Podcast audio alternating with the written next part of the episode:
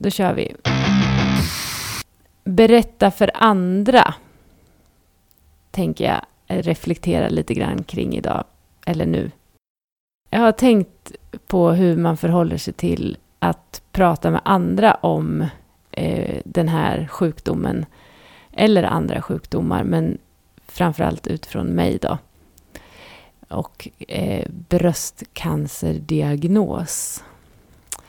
Jag gjorde så här min första dag. Jag kom hem efter eh, beskedet eh, och mötet med kirurg och sjuksköterska.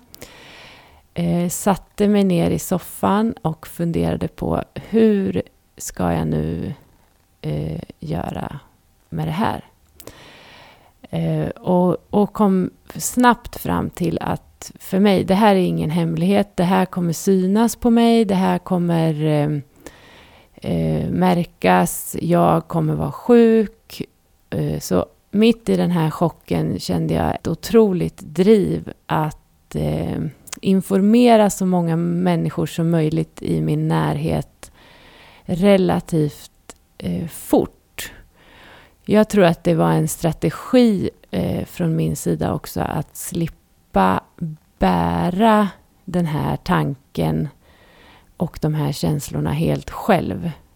Jag behövde liksom portionera ut det till andra människor för att kunna hantera det på något sätt.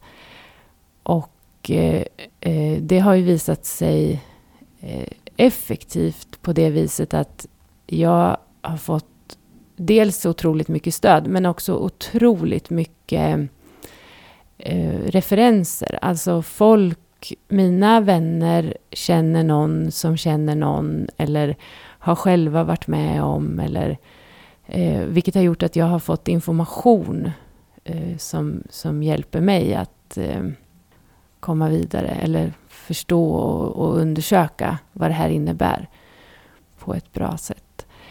Eh, så, men jag tänkte, jag började ju, egentligen började jag med att ringa till en kollega och berätta för honom. Och att han då skulle berätta för en massa andra människor, det var, liksom, det var kanske lite över, överilat eller lite, lite ehm, hysteriskt gjort kan jag tänka så här nu efteråt. Men det var någon slags, och där kanske det finns, eh, vilket jag tänker komma tillbaka till kanske senare, men, eller vid ett annat tillfälle, att eh, arbetsplikttrogenheten, att jag inte skulle komma till jobbet den där dagen, för jag hade ju planerat att åka tillbaka till jobbet efter det här mötet med eh, bröstkirurg, eh, cancercentrum stället, så att säga. Eh, men tillbaka till eh, soffan hemma och, eh, och nästa steg.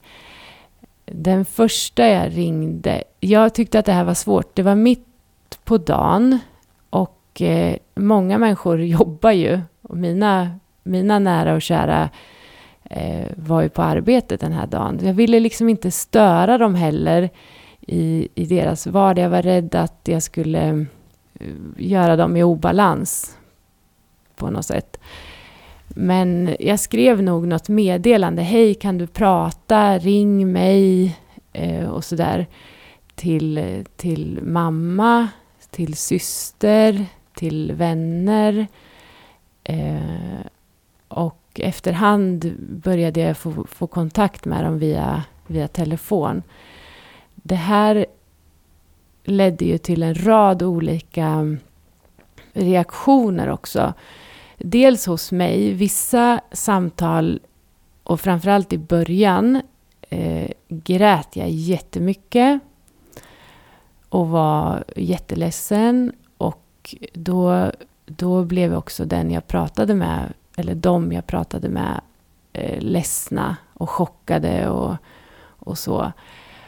Och när jag sen Eh, hade pratat med ett antal personer så började jag ju bli eh, lite mer mekanisk och informativ på, på ett annat sätt. Och nu har det här hänt och eh, man säger att jag ska få den här behandlingen och på torsdag är det det här mötet och, och så ska man göra den här undersökningen och sen ska jag få cellgifter och sen ska jag opereras och sen ska jag strålas och liksom redogjorde för, för planen. Vilket kanske uppfattades som ett ganska samlat intryck från den, de personer som jag pratade med i, i det skedet.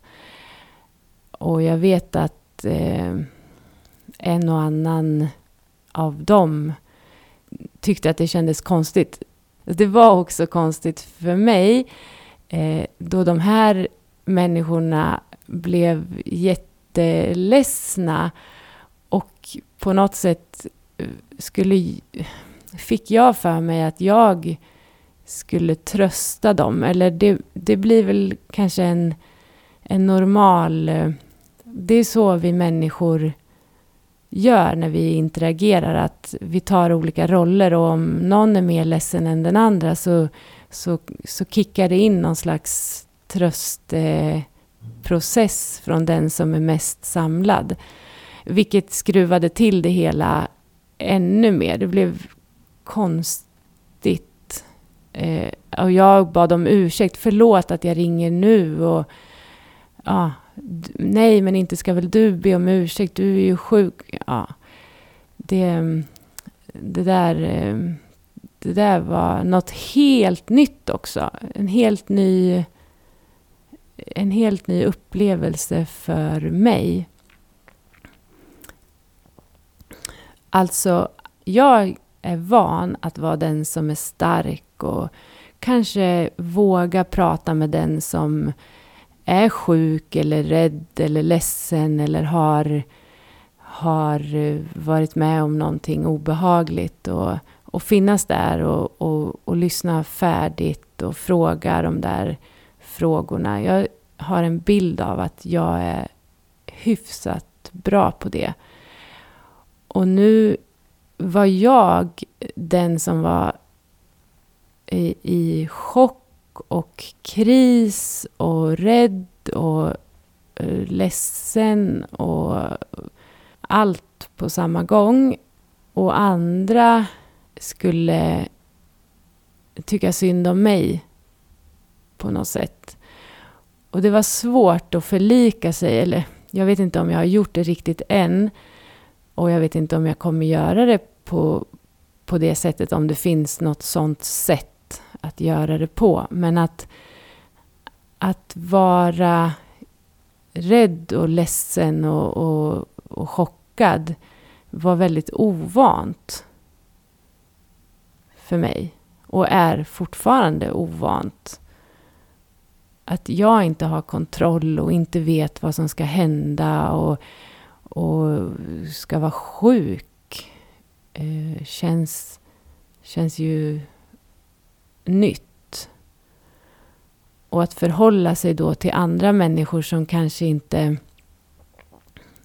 är riktigt lika vana eller lika stabila i en sån situation påverkar ju mitt sätt att vara. Och det var, det var lite det jag menar med att vara den som är i kris samtidigt som de människor som man verkligen, verkligen tycker om och de som jag älskar mest av allt också hamnar i en slags chock.